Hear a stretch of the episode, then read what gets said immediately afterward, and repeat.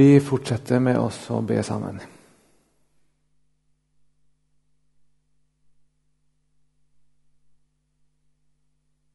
Herre, vi ber om det vi sang om, Herre.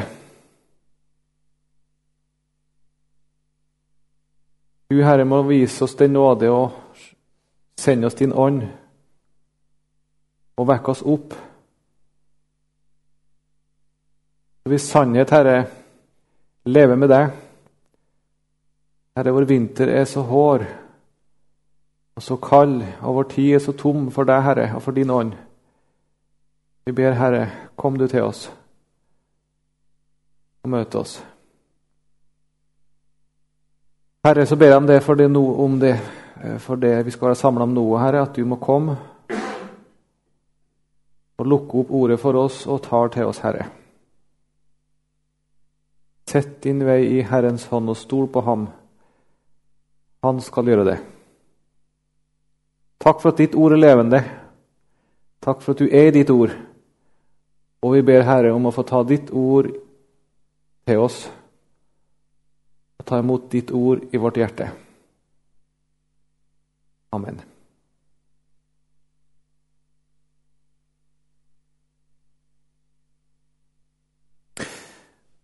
Sånn er altså situasjonen for folket. Og så kaller altså Gud Hosea til å være sin profet.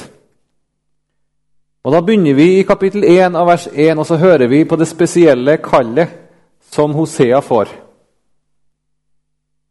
Dette er Herrens ord som kom til Hosea, Beeris sønn, i de dager da Ussia, Jotam, Akas og Hiskia var konger i Juda, og da Jeroboam, Joasjes sønn, var konge i Israel. Da Herren begynte å tale til Hosea, sa Herren til ham.: Gå og få deg en horkvinne og horebarn, for landet driver hor og følger ikke Herren. I 2011-oversettelsen så står det der til slutt For landet horer seg bort fra Herren. Se for deg en ung mann med et rikt og ømt følelsesliv, som har rene og høye idealer for livet. Som går og kjenner på smerte over folkets forfall for en levende Gud, og som kjenner på et kall til å forkynne til dette folket Vend om ifra ugudelighet og vend dere til Gud. Og så får han et budskap. Gå og finn deg ei horkvinne og få deg horebarn.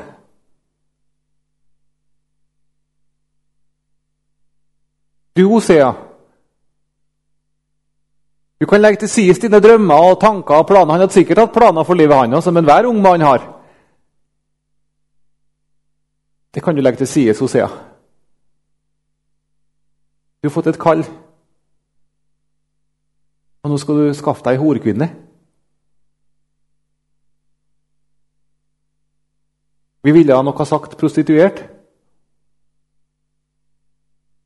Kanskje har du vært i Oslo sentrum har du det på en eh, skumringskveld og vært der som de prostituerte går?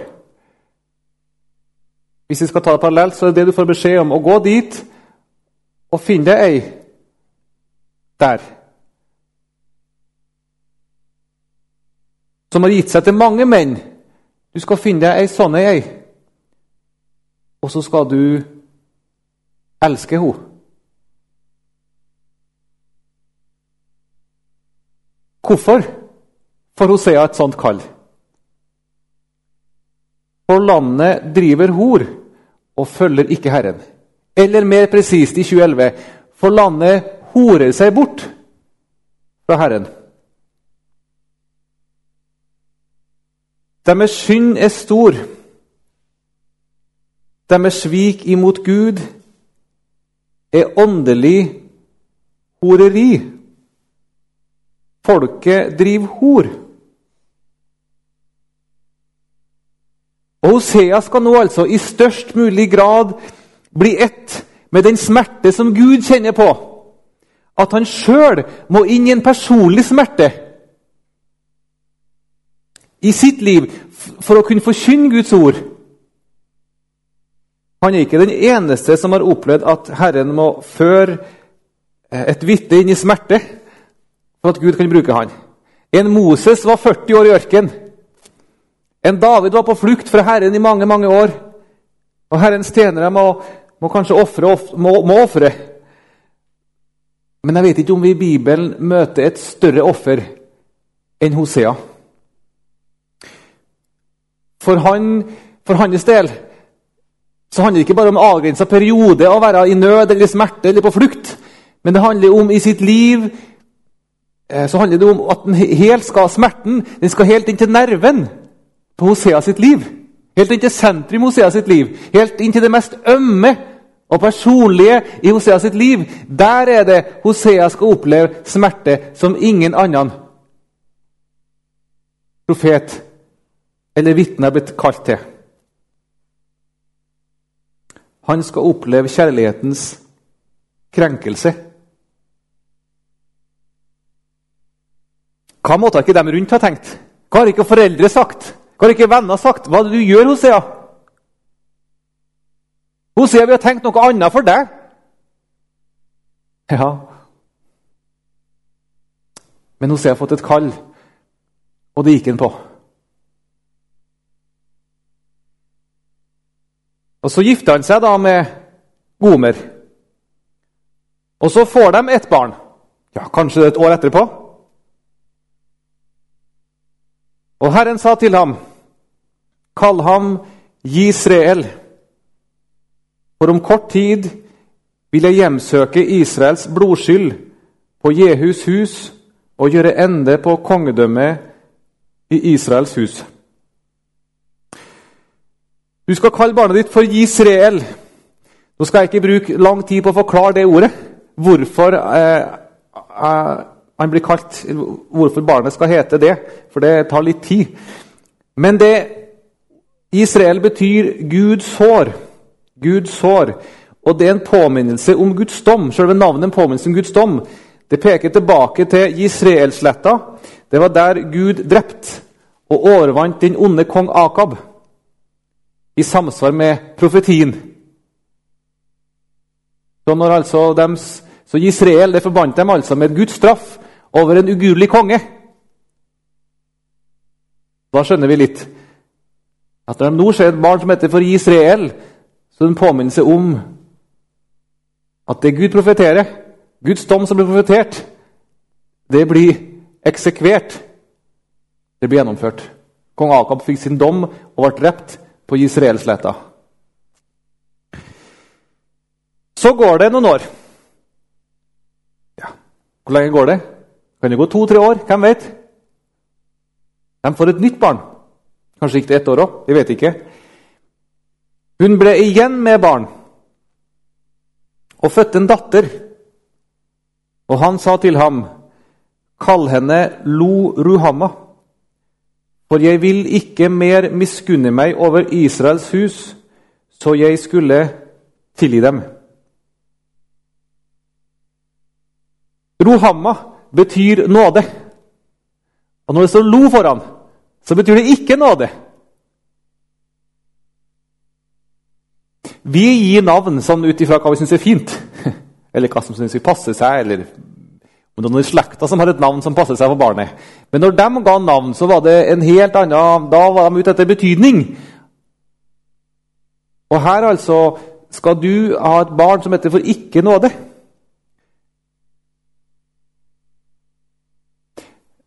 Jeg har en sønn som heter for Mathias. Vet du hva Mathias betyr?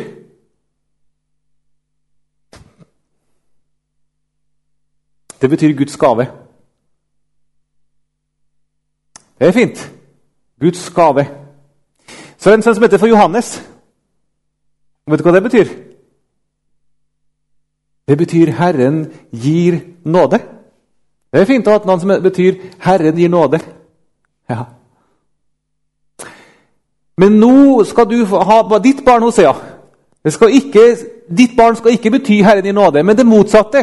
At Gud ikke gir nåde.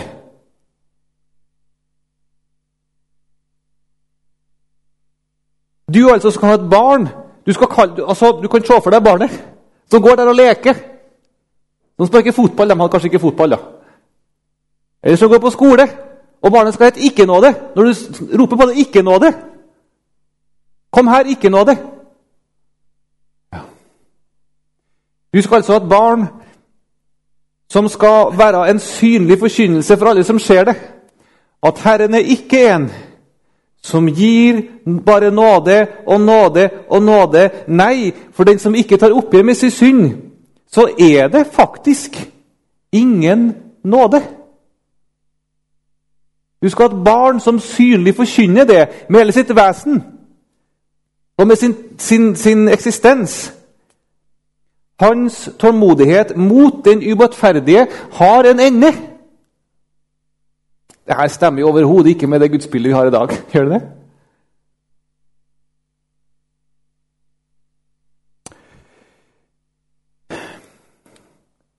Så går det enda noen år.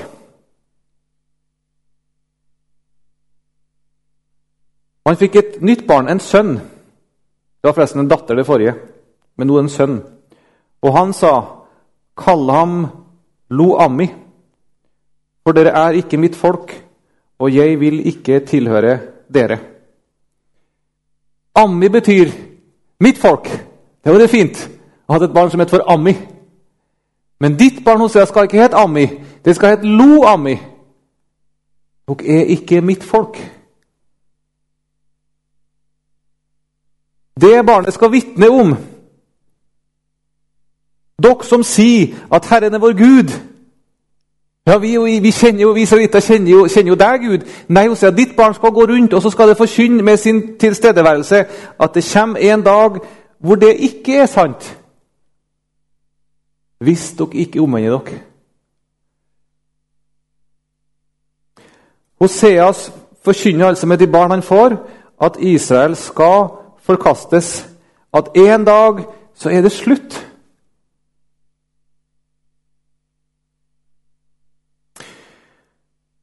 Og så har det trolig gått flere år. Det er vanskelig å se for seg hvordan ekteskapet med Gomer er. Hans kall er å elske denne kvinna som har levd et liv hvor hun har levert seg til mange menn. Men hans kall er å elske. Men ikke, ikke bare sånn på liksom, ikke bare sånn formelt. Og, nei, han skal gå inn for ja, jeg vet ikke om han akkurat ble sitert i Efeserbrev 5, for det var ikke, den gangen var ikke skrevet. Men der står det til dere menn, elsk deres hustruer som Kristus elsket menigheten. Det var hans kall. Å elske denne kvinna med fullt og helt tålmodighet og kjærlighet og omsorg. Alt han bare makta, med hele sin sjel.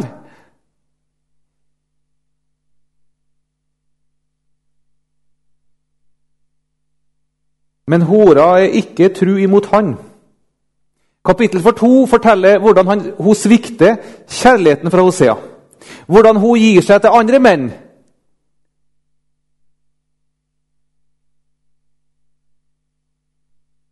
Og kapittel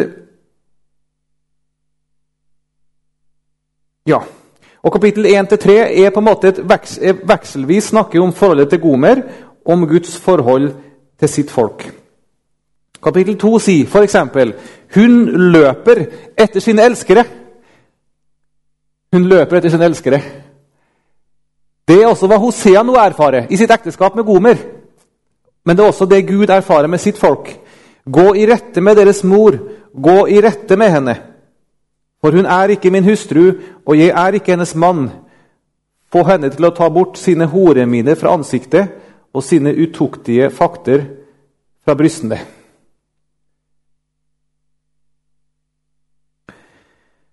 Så leser vi om at Hosea i kapittel 2 eh, på en måte vil straffe i gåseøynene, vil straffe Gomer, så hun skal forstå at hun er avhengig av hans kjærlighet. Vi leser i versene her, vers 6. Eh, Se derfor stenger jeg veien for deg med torner. Jeg reiser en mur foran henne, så hun ikke finner sine stier. Når hun løper etter sine elskere, skal hun ikke nå dem. Når hun søker dem, skal hun ikke finne dem. Da skal hun si, 'Jeg vil vende tilbake til min første mann, for den gang hadde jeg det bedre enn nå.' Hun skjønte ikke at det var jeg som ga henne kornet og mosten og oljen, og det var jeg som ga henne sølv og gull i mengdevis, som de brukte til Baal.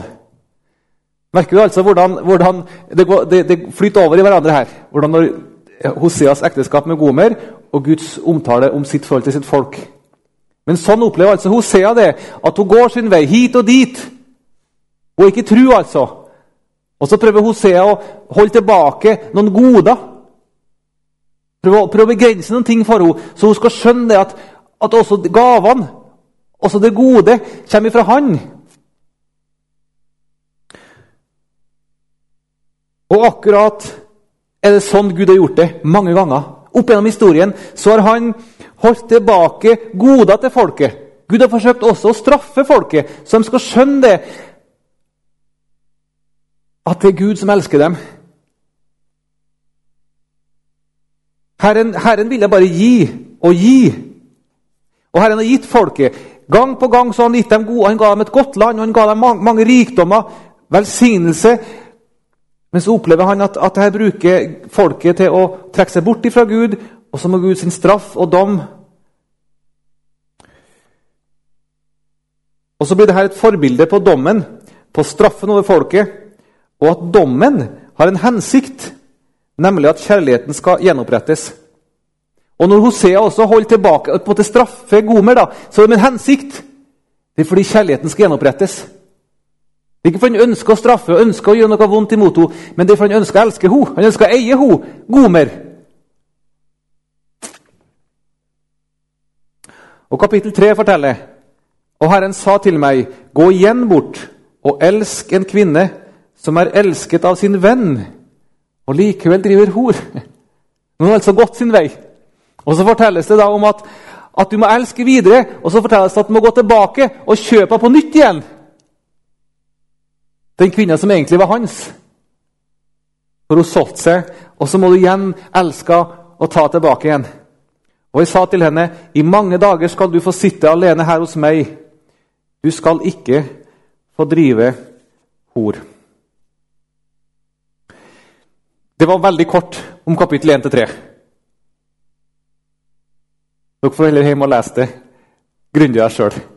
Men nå har vi på en måte prøvd å gi et sånn enkelt riss av innledningskapitlene. Og Så går vi over i kapittel fire. Og Der hører vi ikke noe mer om Hosea sitt ekteskap med Gomer. Det er innledningskapitlene der det er fortalt. Og nå det ensidig et budskap fra Gud til folket. Men det er en profet, altså, som i sitt liv har kjent på en smerte, som nå tar det.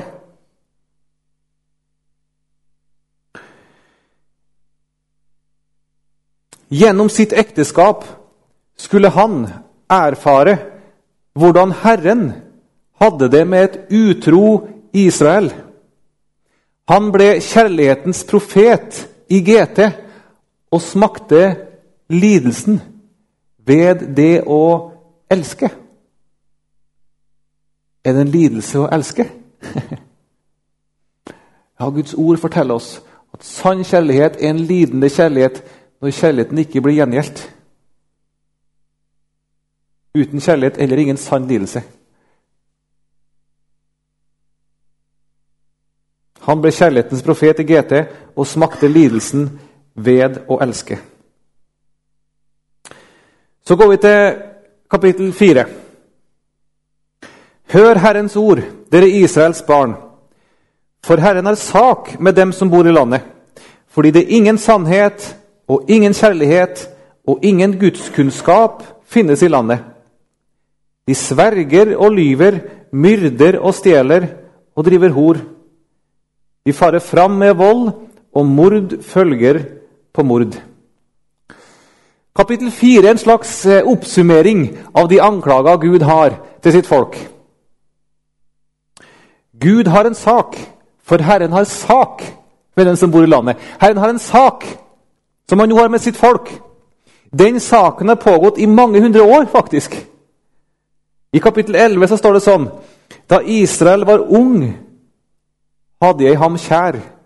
Fra Egypt kalte jeg min sønn. Ja, det var en tid hvor jeg hadde han kjær. De var i Egypt. Derifra kalte jeg dem opp fra Egypt og skulle føre dem inn i mitt folk. Og det var da jeg som lærte Efraim Husk på Efraim, et annet ord, ord for Israel. Det var da jeg som lærte Efraim å gå, og tok dem på mine armer. Men de skjønte ikke at jeg helbredet dem. Med menneskebånd dro jeg dem, med kjærlighetens rep. Jeg var for dem som letter åket over kjevene, og jeg ga ham føde. Her står det, I 2011-oversettelsen står det her Jeg var lik en som løfter et spedbarn opp til kinnet. Det var ganske stor forskjell på oversettelsene, men jeg syns det siste var fint. Jeg var som en som tar opp et, et, et barn, altså. Et spedbarn, og løfter det opp til kinnet. Sånn var jeg i møte med folket som var i Egypt. Jeg elska dette folket. Hvorfor? Fordi det var så prektig og så sterkt og så fromt. Ikke fordi dere var større enn alle andre folk. Fant Herren behag i dere, så han utvalgte dere. For dere er det minste av alle folkene. Det var ikke noe hos dere som gjorde det. Det var ikke deres storhet. Men det var, det var Herren som elska, og som valgte.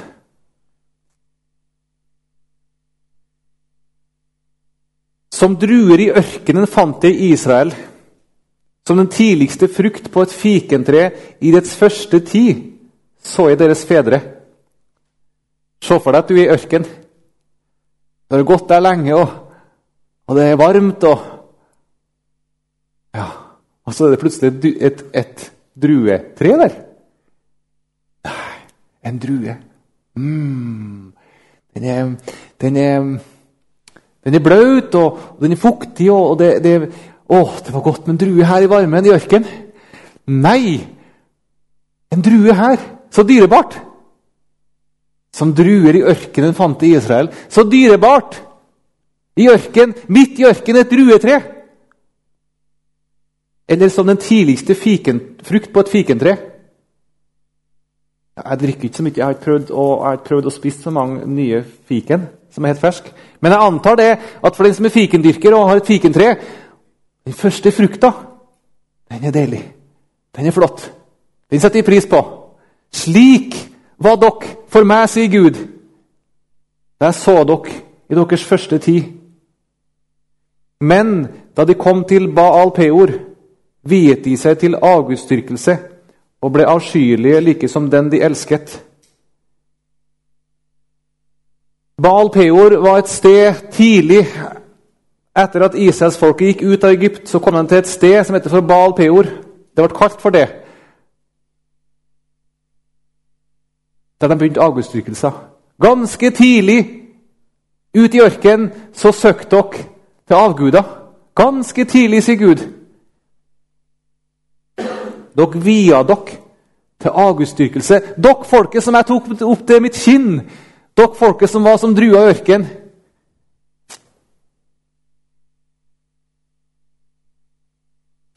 Israel er et frodig vintre som bærer frukt. Jo mer frukt han fikk, dess flere altere bygde han. Jo bedre det gikk med landet hans, dess vakrere billedstøtter gjorde han seg. Jeg ville føre dem inn i et rikt land, som var rikt på melk og honning. Jeg ville gi dere så mange ting. Jeg ville gi dere mye velsignelser. Men hva skjedde da? Jo bedre det gikk med landet. Dess vakrere billedstøtter gjorde dere. Ikke til meg, men til avguda. Fordi beitet deres var godt, ble de mette. Og da de ble mette, opphøyet de seg i sitt hjerte, så de glemte meg. Merker du sårheten i Guds hjerte her? Hvor sår han er? Jeg ville jo bare velsigne, jeg ville jo bare gi. Det var bare mitt ønske. Men når dere ble mett, når dere fikk det dere trengte, så opphøyde dere dere. Og så glemte dere meg.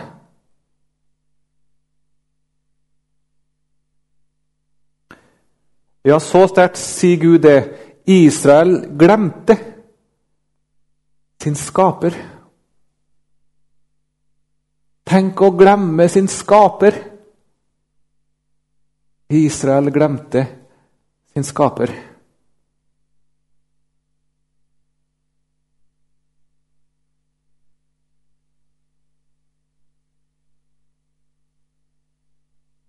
Og så er det også sånn Når vi leser om Israel, så skal vi også alltid ha det i bakhodet.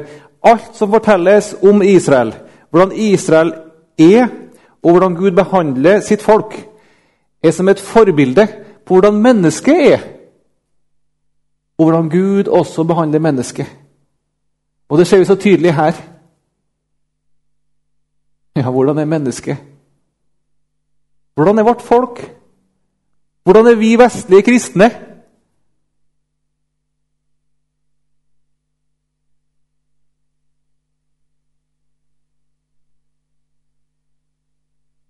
Hvordan er det norske folk? Og da de blir mette, opphøyet de seg i sitt hjerte, så de glemte meg.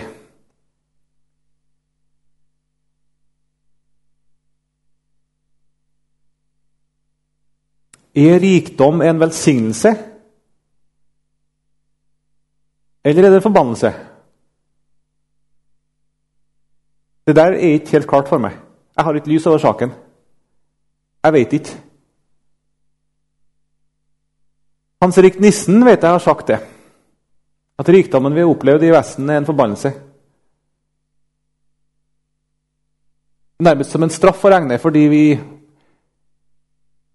vender oss bort ifra han. Jeg har ikke forstand til å si det sånn.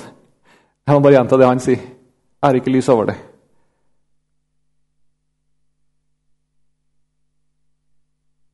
La oss bare før vi går tilbake, les Jakobs brev. Som snakker til riket. Og da tror jeg at vi er iblant dem. Som tross alt er på verdenstoppen. Og nå, dere rike, gråt og klag over all den ulykke som kommer over dere. Rikdommen deres er råtnet, og klærne deres er møllspiste. Deres gull og sølv er rustet bort, og rusten på det skal bli et vitnesbyrd mot dere, og den skal fortære deres kjød som ild. Dere har samlet skatter i de siste dager. Der sier 2011-oversettelsen dere har brukt endetiden til å samle skatter.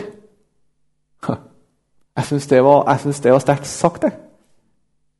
Brukt endetiden til å samle skatter. Det er vel ikke det vi holder på med? Tenk å bruke endetida til å samle skatter.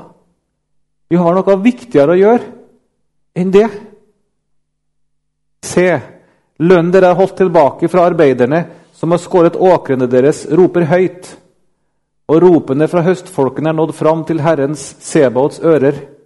Altså, vi har ikke Vi har betalt for lite for våre varer. Vi har holdt tilbake det en arbeider har fortjent.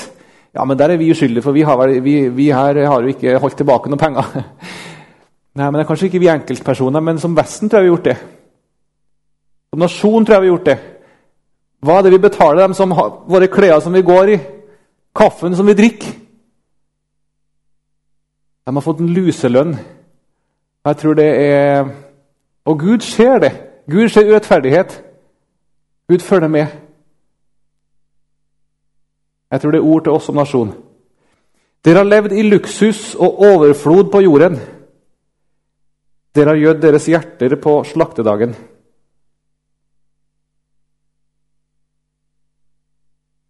Det her syns jeg er fryktelig vanskelig å, å ta opp og si noe om. For du sitter sånn i glasshus. Hvem er jeg? Er det galt å være rik? Er det galt å ha et hus som er ordentlig, og ha en bil? og Er det galt liksom å ha det vi trenger, og mer enn det? Skal vi be om tilgivelse for det? Nei, det kan vi ikke. Vi må takke Gud for alt vi har. Alt det vi har, også rikdom, skal vi takke Han for, og gi Han ære for alt. Men samtidig tror jeg altså vi må ja, vi skulle spørre oss hva, hva gjør det med oss. Blir vi mette og tilfredse?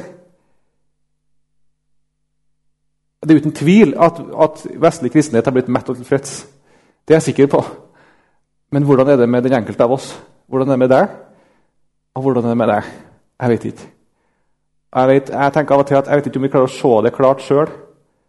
Hva egentlig rikdom har gjort med oss. Og jeg tenker at vi trenger noen fra den fattige kristenhet som kan vise oss det med sine øyne og kan sette fingeren på hvordan er det med oss. Er vi tilfreds med det vi har, eller har vi nok i samlivet med Jesus? Er rikdommen en velsignelse eller en forbannelse i ditt liv? Det kan være til velsignelse og til en gave. Det er ikke galt å være rik.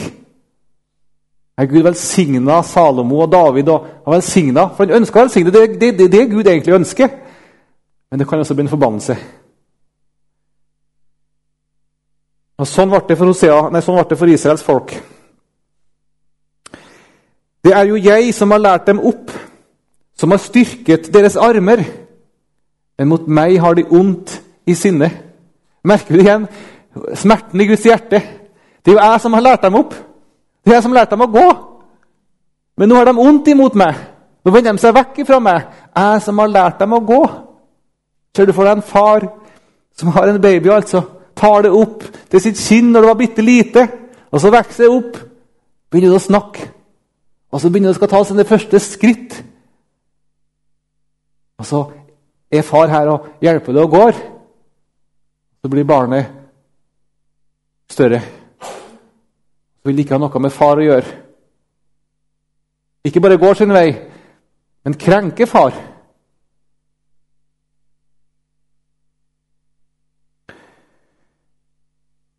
Ja, sier Gud, hjertet deres Eller årsaken til det her, det er at hjertet deres er sleipt. Deres hjerte er delt, står det i 88. Og så står det 'sleipt' i 2011. Det er sleipt. Det er glatt. Det rømmer unna. Det er glatt. Det er sleipt, altså. Hjertet deres er sleipt. Hvorfor er det sånn?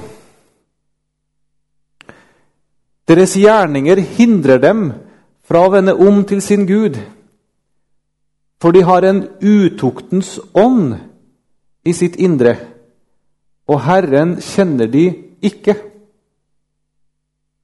Og 2011 har her de har en horeånd i seg. De har en ånd altså inni seg som driver utukt. Og her skulle du enten nå eller senere Du skulle ikke, men du kan sette en strek under utuktens ånd. For som sagt, alt som sies om Israel, om hvordan Israel er, det sies egentlig om hvordan mennesket er. Det er sagt som forbilde om mennesket. Og her beskrives det helt tydelig hva mennesket er, og hva menneskets problem er. De har en horeånd i seg. Hva er denne horeånd? Hvorfor bruker Gud sånne ord? Jo, eh, tempelprostitusjon var utbredt. Det var veldig utbredt. På templene var det fullt av prostituerte, og det var en del av augustdyrkelser. Å gi seg i, i seksuelle forhold med, de, med dem, de, som tjente ved templene. Når menn, når men, mellommenneskelig hor får plass i et menneskes liv, og enda mer i en kultur, i et samfunn, også som vår, så vitner det om et langt større horeri, nemlig et horeri imot den allmektige skaper. Mitt folk spør sitt trestykke til råds, og dets kjepp gir det svar. For utuktens ånd har ført dem vill, så de driver hor og går bort fra sin Gud. Hva gjør mitt folk når de trenger råd og hjelp? Jo, da spør de ikke meg, men det trestykket de har laga. En gud de har laga. Og så sier Gud, når dere slik går til en avgud og spør om råd Hvorfor gjør dere det? Jo, fordi dere har en horeånd i dere. Som det står i 2011 For en horeånd har ført dem vill. De har horet seg bort fra sin Gud. Det er ganske saftig språkbruk. Det er ganske sterkt sagt. Dere har hora dere bort ifra Gud. Og det her sier noe helt presist om hvilket forhold det skulle være mellom Gud og Israel, og dermed mellom Gud og ethvert menneske. Også mellom Gud og du som sitter her.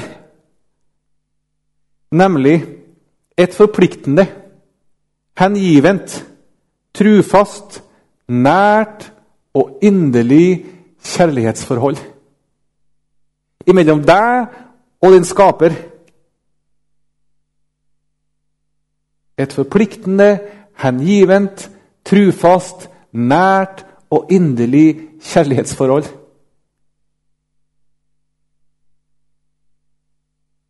Slik møter Gud Israel, og slik møter han deg. Slik roper hele Bibelen til deg.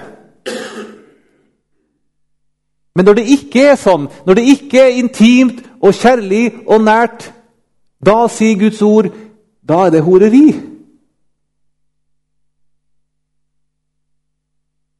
Jakob sier når han snakker om vennskap med verden Dere er, venn, dere er verdens venn. Hva er det Jakob da sier? Utro som dere er. Ser du det? Der har du det igjen. Det handler om utroskap når jeg er venn med verden i stedet for venn med Gud. Første bud er sånn Du skal ikke ha andre guder enn meg.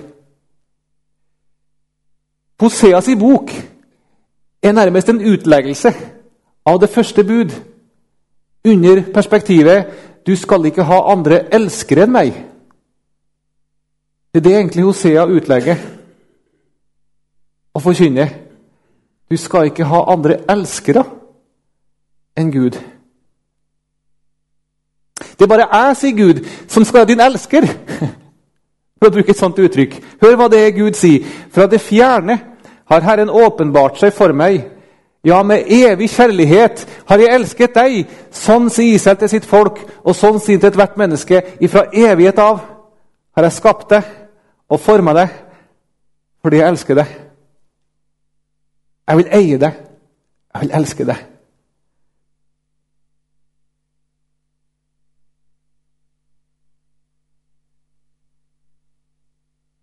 Men de drog opp til Assur, lik et villesel som går sine egne veier.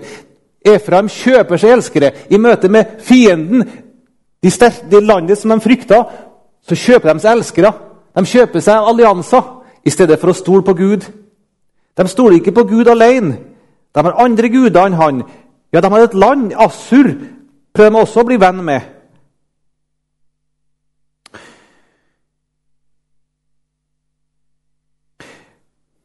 Det å bruke ekteskap, det å bruke ho, det tenker vi, det er, det er et godt bilde. tenker vi da. Det er et godt bilde på, på forholdet mellom, mellom, mellom menigheten og, og, mellom oss og, oss og Gud. Å bruke ekteskap som bilde. Sånn har jeg tenkt før. At det var et godt bilde. Men så har jeg skjønt det at nei, det er ikke sånn. Men at det er det her som er det egentlige eh, kjærlighetsforhold. Forholdet mellom meg og Gud er det egentlige kjærlighetsforhold. Det er det egentlige ekteskap. Det er det ideelle, og det er det evige. Og så skal vi, da, på fattigste vis etter beste evne, forsøke å etterligne det ideelle i vår ekteskap. Det er ikke motsatt at vår ekteskap er et bilde på noe større. Det er det andre veien, det. er. Det er det ideelle, det er det evige, det er det egentlige ekteskap. Det er det egentlige kjærlighetsforhold. Og så skal vi prøve prøve å etterleve noen ting. Hør, hør på det verset her. For din skaper er din ektemann. Det er ganske saftige ord. Din skaper er din ektemann. Skaperen av himmel og jord. Herren, herskarenes Gud, er hans navn. Jeg må bare ta med det med det samme her nå. Vi hadde konfirmantundervisning her i går, og da bare sa jeg det. Jeg må ta det med her også. Jeg syns det illustrerer noe om hvordan Gud er. Da snakka vi om det her i går. At vi vet, vi er sikkert sagt der før her, men jeg sier det igjen. Vi, sitter, vi er på en klode som vi syns er ganske stor. da. Vi har, jo, har ikke vært så langt rundt så mange av oss. Og så har vi ei sol som varmer oss ganske bra. Den er ganske stor, men hvor stor er sola? Og hvor langt vekk er den fra oss? Sola er 1,3 milliarder ganger større enn jorda. 1,3 milliarder ganger større enn jordkoden. Da er sola stor. Og den er li ganske liten lell. Så det er avstanden fra oss til sola helt gigantisk. Vi skjønner det. Og så er spørsmålet De stjernene vi ser, det er jo også sola. Ikke sant? Sånn som vår sol. Men de er jo Hvis sola er langt unna, som er så stor, da er jo stjernene Vi får ikke tenke oss hvor langt det er. Og så er spørsmålet hvor mange sånne stjerner er det uti her? Ja, Vi ser jo noen. Hvor mange ser vi hvis vi begynner å telle? Hvor mange stjerner er det? Er det 10 000? Er det 100 000? En million? Vet du hvor mange det er? De sier tall som 20-70 trilliarder, tror de. Jeg har datt for lenge siden. Jeg datt allerede med sola, at sola var 1,3 milliarder ganger større. Skjønner du altså hvor stort det her er, hvor ekstremt det er? Og man antar at universet utvider seg fortsatt. Og han som har gjort det her, er jo større enn alt det her. Han er jo utover det her. Han er skaperen. Og så er jeg plutselig bare på et lite sånn støvfnugg. Kloden blir bare et støvfnugg. Og hva i all verden blir jeg da? Og likevel, på tross av alt det her Du kan tenke at Gud liksom bare ja, hva, har han tanke for meg? Så kommer altså ordet her. For din skaper er din ektemann. Han som er så hinsides stor og veldig, trer plutselig helt nær. Og så sier han Jeg vil være deg så inderlig nær som overhodet mulig. Jeg vil være din ektemann.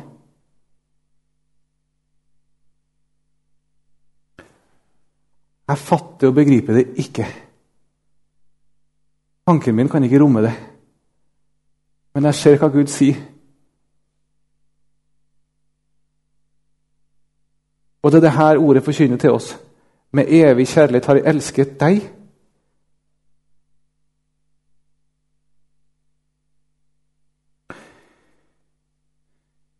Kristus er kirkens åndelige brudgom og ektefelle. Kirken er hans åndelige hustru og brud. Det var tanken, det var Guds ønske og hjertetrang. At vi skulle være hans brudgom og ektefelle. Og han skulle være vår Nei, vi skulle være hans brud, mener jeg. Og hustru og brud. Og han skulle være vår brudgom og ektefelle. Og Hele Bibelen forteller oss om det her. Bibelen begynner jo med et ekteskap og slutter med et ekteskap. La oss glede oss og fryde oss og gi ham æren, for lammets bryllup er kommet, og hans brud har gjort seg rede. Og hvem er bruden? Du er ikke bare gjest i et bryllup. Nei, du er bruden, og bruden er hovedpersonen. vet du det? Når bruden kommer inn gjennom kirka, da kommer hovedpersonen inn. Det er kanskje feil å si hovedperson her. Kristus er hovedperson, selvfølgelig. Men dere skjønner bildet. Brud og brudgom, de hører sammen.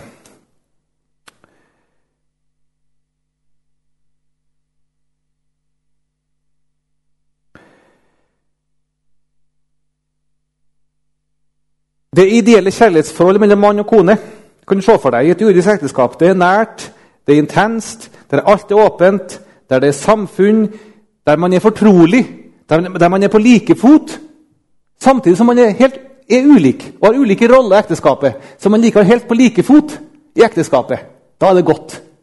Når man får være helt ulik, helt ulike roller, og samtidig lik, på like fot. Det er en rikdom å oppleve det sånn. Det er det ideelle ekteskap. Kan Gud tenke slik om oss? For Underlig nok så er det det Gud forkynner til oss. Det her er så underlig. Det står i Salme 25 Herren har fortrolig samfunn med dem som frykter ham. Fortrolig samfunn.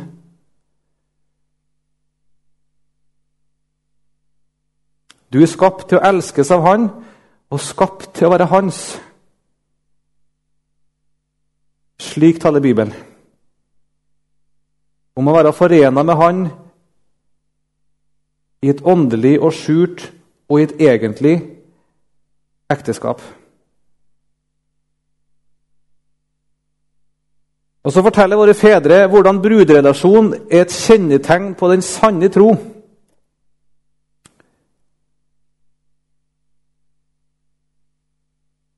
Vi møter det i noen sanger. Kven kan seia ut den glede å få være Kristi brud. Ei burde da gå og sørge, jeg er en mektig konges brud. Han er min brudgom, og jeg er hans brud.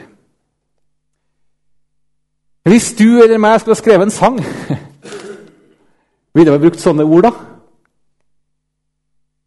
Jeg vet ikke. Jeg ser i sangboka at det, det er noen sanger fra tidligere tider der, der du finner det her igjen.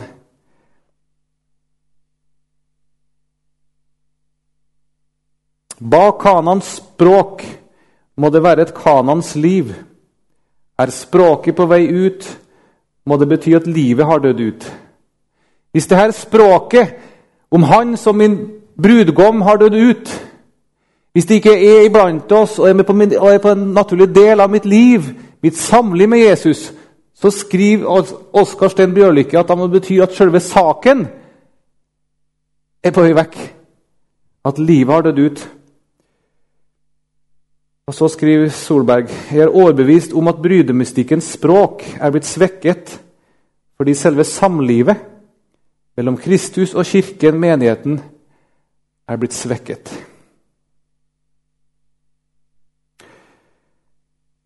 Å bruke sånne ord om, om, om Jesus, snakke om et inderlig forhold, er det vanskelig for oss, både fordi vårt forhold til Jesus ikke er av en slik art.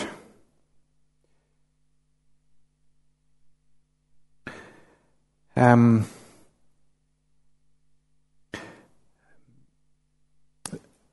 Johan Sebastian Bach han um, laga har laga mange kantater eh, til søndagens tekst. Og en av de kanskje det nesten jeg syns er vakrest, da, det er til søndagen om de ti brudjomfruer. Um,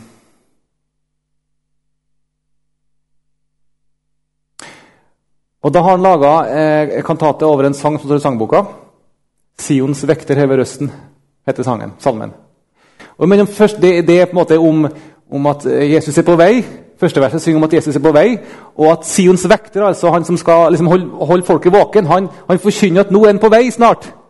Han på vei, nå må dere våkne opp, sier første verset. Våkne opp nå! Nå er Herren på vei, nå er brudgommen på vei. Og så kommer det en, en sats mellom første og andre eh, verset. Der, de syns jeg er så fin. Den er så vakker. Der er det en sopran som synger, og en bass som synger. Sopranen forestiller bruden, og bassen forestiller brudgommen. Og så synger bruden. Jeg syns jeg, skulle, jeg skulle, prøve å synge det, men jeg tør ikke å synge solo her. Venn kømst du, mein heil? Det betyr 'Når kommer du, min Herre?' Når kommer du? Så synger sopranen. Når kommer du? Når kommer du? Og så svarer bassen Kristus, 'Ich komme dein Teil'. Jeg kommer for din skyld. Og så spør sopranen igjen, 'Venn kømst du, min heil?' Ich komme dein Teil. Når kommer du, min Herre? Jeg kommer for din skyld. Og så synger de sånn på nytt og på nytt og på nytt og på nytt. Eh, Jesus svarer, eller Bassen svarer ikke på når han kommer, for det gjør han ikke. Men han sier, 'Jeg kommer, og jeg skal komme for din skyld.' Du må bare vente og være tålmodig. Jeg kommer. Men alltid når jeg hører den der satsen der, så syns jeg på en måte å fornemme noe av et forhold mellom bruden og brudgommen som skulle leve der. En sånn forventning. Jeg syns alltid å høre en sånn banking, en sånn lengsel etter brudgommen. Når kommer du? Jeg venter på deg. Når kommer du? Og jeg spør igjen og igjen. Når kommer du? Og jeg må få høre svaret på nytt og på nytt. Ja, ja jeg kommer. Jeg syns jeg fornemmer noe av et forhold her, av en intimitet, av en lengsel etter brudgommen.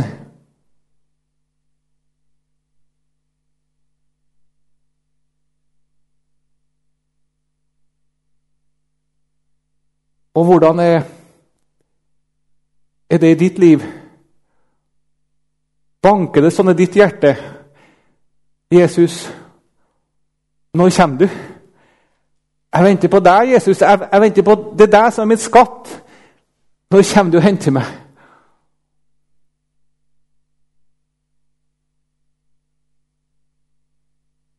Hvordan er ditt forhold til Jesus? Er han din dyrebare skatt? Hva er det som gjør deg tilfreds og glad? At du venter, at du venter på han? Hva henger hjertet ditt ved? Hva trakter du etter? Hva er ditt mål?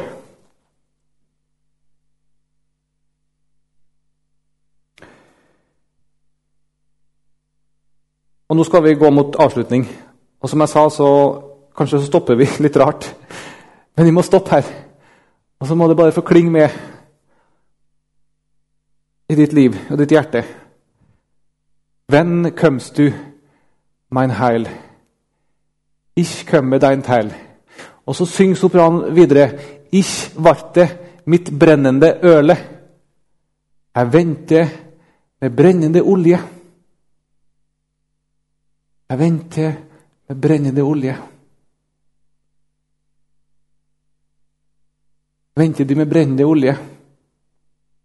Venter du på Han? Er Han din skatt?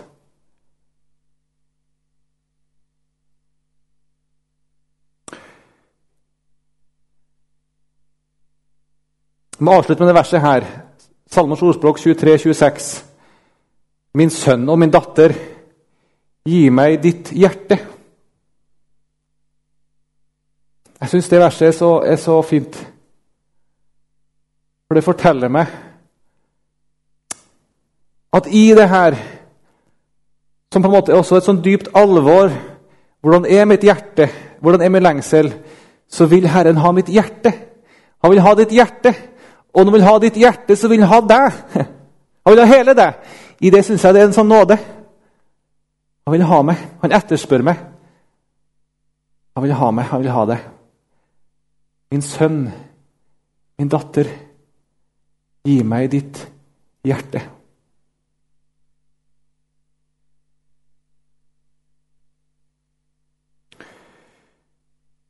Kjære Herre Jesus Kristus, himmelske Gud og Far. Vi har talt om ting som er for stor, Herre. I hvert fall for meg. Men vi ber om at du må få tale med oss og trø oss helt nær. Helt nær.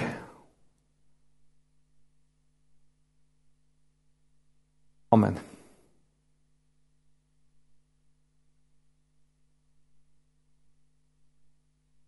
Nå er faktisk sprengt rammene, ser jeg. Eh, jeg skulle være ferdig til ni. Klokka er 21.07, så jeg beklager det. Men sånn er det. Ja Er det god lyd? um. Dette er jo et lite forsøk da, på å prøve å ha litt sånn en bibeltime midt i uka. Så jeg var liksom forberedt på fem, jeg. Men det var jo mer enn fem. Så det var jo positivt. um, og så sier vi takk for nå, og så er det nye timer om to uker.